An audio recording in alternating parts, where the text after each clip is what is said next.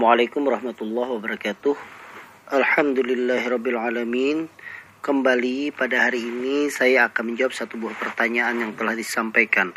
Assalamualaikum dokter. Waalaikumsalam warahmatullahi wabarakatuh. Nama saya Ida, usia 57 tahun. Akhir-akhir ini dua jari kanan saya terasa kesemutan. Apalagi kalau sedang beraktivitas seperti mencuci pakaian secara manual atau lagi menggunakan laptop. Apa penyebabnya dan apa yang harus saya lakukan ya dok? Sebagai informasi, saya tidak ada riwayat diabetes dan hipertensi, cuma ada kolesterol. Namun saat ini saya sudah coba minum obat Neurobion Forte satu kali sehari setiap pagi.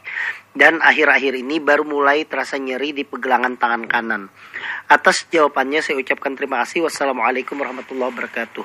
Baik Ibu Ida, terima kasih banyak atas pertanyaannya. Jadi Ibu Ida merasa kesemutan di dua jari kanan. Memang saya melihatnya kalau hanya dua jari saja memang tidak mengarah kepada suatu hal yang sangat parah. Cuman saya akan e, lebih menjelaskan kalau seandainya terjadinya nyeri seperti yang Ibu sampaikan pada pergelangan tangan kemudian adanya kesemutan pada jari-jari tangan. Itu mirip seperti sebuah suatu kondisi yang disebut dengan carpal tunnel syndrome. Jadi Carpal tunnel syndrome itu adalah kondisi yang menimbulkan rasa kesemutan, kemudian nyeri atau kelemahan di tangan tertentu dan di pegelangan tangan tertentu. Nah, kenapa ini terjadi? Sindrom ini, sindrom ini terjadi karena saraf di pegelangan tangan itu terhimpit atau tertekan. Nah, sebagai pengetahuan, di pegelangan tangan kita itu terdapat suatu lorong lorong sempit di mana lorong itu dibentuk oleh tulang pergelangan tangan yang disebut dengan karpal. Kemudian ada jaringan-jaringan penghubung antar tulang yang disebut dengan ligamen. Nah, di dalam lorong tersebut yang dibentuk oleh tulang tadi terdapat suatu saraf. Kalau di kedokteran kita menyebutnya dengan nervus medianus atau saraf median yang mengendalikan otot jari tangan dan menerima rangsang dari kulit di daerah tangan. Nah, ketika lorong tersebut terjadi suatu tekanan, maka itu akan menyebabkan saraf median tersebut menjadi terganggu. Nah, saraf median tersebut terganggu karena misalnya dia itu membengkak misalnya dan menekan saraf median, maka itulah yang disebut dengan carpal tunnel syndrome. Nah, carpal tunnel syndrome ini itu memang sering terjadi pada perempuan daripada laki-laki.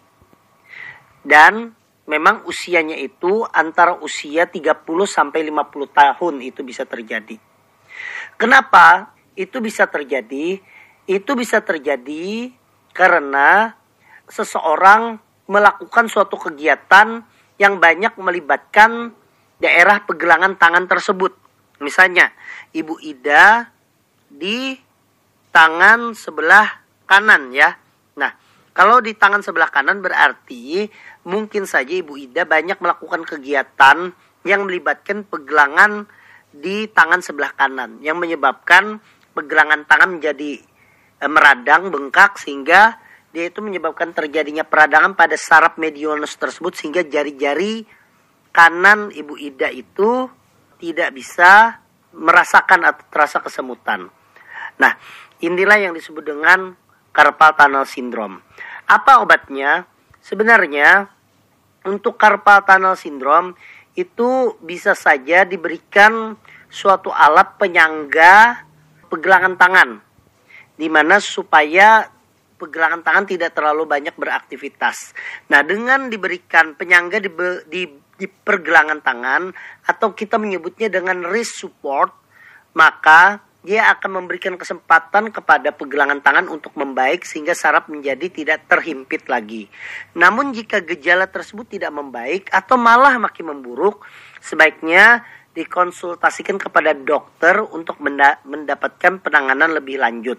Nah, untuk mencegahnya, untuk mencegahnya bagaimana? Kalau seandainya uh, bagi ibu-ibu ataupun bagi yang belum pernah merasakan carpal tunnel syndrome ini, bagaimana untuk mencegahnya supaya jangan sampai ini terjadi? Yang pertama, hindari menekuk pergelangan tangan terlalu lama. atau terlalu ekstrim karena ini bisa menyebabkan terjadinya peradangan pada pergelangan tangan.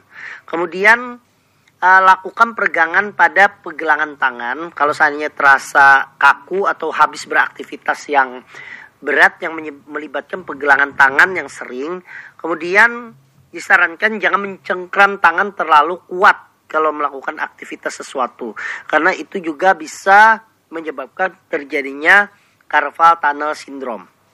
Ada lagi suatu sindrom yang disebut dengan de Quervain tenosinovitis atau cukup kita menyebutnya dengan de Quervain syndrome. Nah, ini juga mirip dengan carpal tunnel syndrome, cuma kalau ini disertai dengan pembengkakan di pangkal ibu jari dan di pergelangan tangan. Nah, pembengkakan ini akan terlihat dengan peradangan. Dia membengkak, terasa sakit dan kemerahan. Sedangkan pada carpal tunnel syndrome dia belum terlihat pembengkakannya tersebut. Sehingga berbeda antara carpal tunnel syndrome dengan de Quervain tenosynovitis. Walaupun memang de Quervain tenosynovitis ini dia itu juga menyebabkan saraf nervus medianus tersebut itu menjadi tertekan karena pembengkakan tersebut. Nah, terjadinya faktor risiko juga pada perempuan lebih sering dengan usia antara 30 sampai 50 tahun cuman dia ini juga banyak diakibatkan karena adanya perubahan hormonal misalnya akibat kehamilan. Pada saat hamil sering terjadi de Quervain syndrome tersebut. Tapi pada carpal tunnel syndrome tidak terjadi hal tersebut. Itulah yang membedakannya. Jadi itu saja Ibu Ida yang bisa saya jelaskan. Sebaiknya istirahatkan dulu tangan Ibu Ida untuk obat neurobion silahkan dilanjutkan saja. Kalau nyeri bisa diberikan anti nyeri seperti paracetamol. Kalau seandainya tidak membaik juga saya sarankan untuk segera ke dokter untuk diberikan pemeriksaan lebih lanjut. Terima kasih Bu Ida atas pertanyaannya. Semoga cepat sembuh dan semoga kita semua yang di sini diberikan kesehatan oleh Allah Subhanahu wa taala. Wassalamualaikum warahmatullahi wabarakatuh.